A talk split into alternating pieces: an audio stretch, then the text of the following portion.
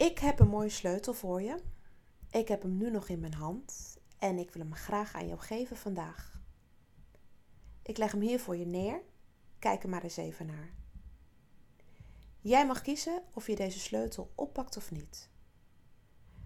Dit is een sleutel die je misschien niet zo snel zal oppakken, maar toch, als je het niet probeert, kan je het ook nooit weten. Je hebt wel wat moed nodig en je moet een tikkeltje nieuwsgierig zijn om deze sleutel te willen gebruiken.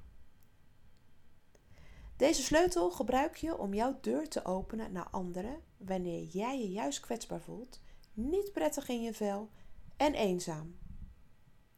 Maar met deze sleutel ga jij je eigen isolatiegevoelens verbreken door anderen deelgenoot te maken van jouw kwetsbaarheid. Ik zei toch dat je moed nodig had? Door anderen deelgenoot te maken van jouw kwetsbaarheid, open je juist deuren naar verbinding, naar saamhorigheid en wellicht diepere gesprekken. Want jij wordt namelijk transparant en hierdoor toegankelijk voor anderen. Terwijl jij misschien het idee had: laat mij maar alleen. Niemand zit op mij te wachten. Ik wil niemand lastigvallen als ik mij zo voel. Maar hiermee versterk je juist jouw eenzame gevoelens, omdat jij zelf het tegendeel uitsluit.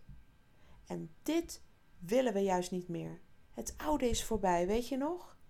Maak dus anderen deelgenoot over wat je heeft geraakt. Maar doe dit alleen bij mensen die veilig voor je zijn. Het kan je zulke mooie relaties op gaan leveren. Er zijn twee spelregels. Spreek vanuit de ik-vorm en houd het vooral bij jezelf.